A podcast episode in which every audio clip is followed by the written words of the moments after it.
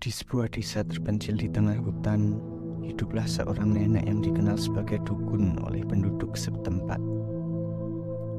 Di belakang rumahnya terdapat sebuah hutan bambu yang sangat lebat dan dianggap angker oleh masyarakat sekitar. Konon katanya, hutan bambu tersebut dihuni oleh makhluk halus yang suka mengganggu manusia.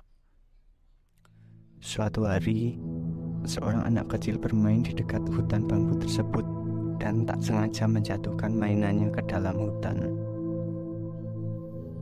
Tanpa pikir panjang, ia masuk ke dalam hutan untuk mengambil mainannya kembali. Namun, ia terperangkap di dalam hutan dan tak dapat menemukan jalan keluar.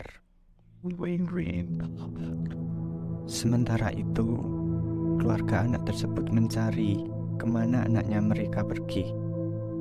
Dan akhirnya mengetahui bahwa ia masuk ke dalam hutan bambu. Mereka segera meminta bantuan dari dukun untuk mencari anak tersebut. Dukun pun memutuskan untuk melakukan ritual di hutan bambu untuk memanggil roh yang dapat membantu menemukan anak tersebut. Namun, Ketika ritual berlangsung, tiba-tiba saja pohon bambu di sekeliling dukun mulai bergoyang dan mengeluarkan suara aneh. Dukun merasa takut dan berusaha keluar dari hutan. Namun ia merasa seperti terperangkap di dalam hutan. Ketika ia melihat ke arah pohon bambu yang paling besar, ia melihat sosok manusia bertopeng hitam yang melayang di atasnya. Sosok tersebut mengejar dukun dengan cara yang mengerikan. Namun dukun berhasil melarikan diri dan berjanji untuk tidak pernah lagi mengganggu makhluk halus yang ada di dalam hutan bambu.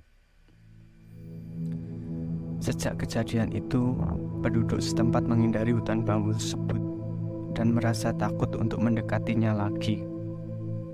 Konon katanya, Hutan bambu tersebut masih dihuni oleh makhluk halus yang suka mengganggu manusia yang nekat masuk ke dalamnya.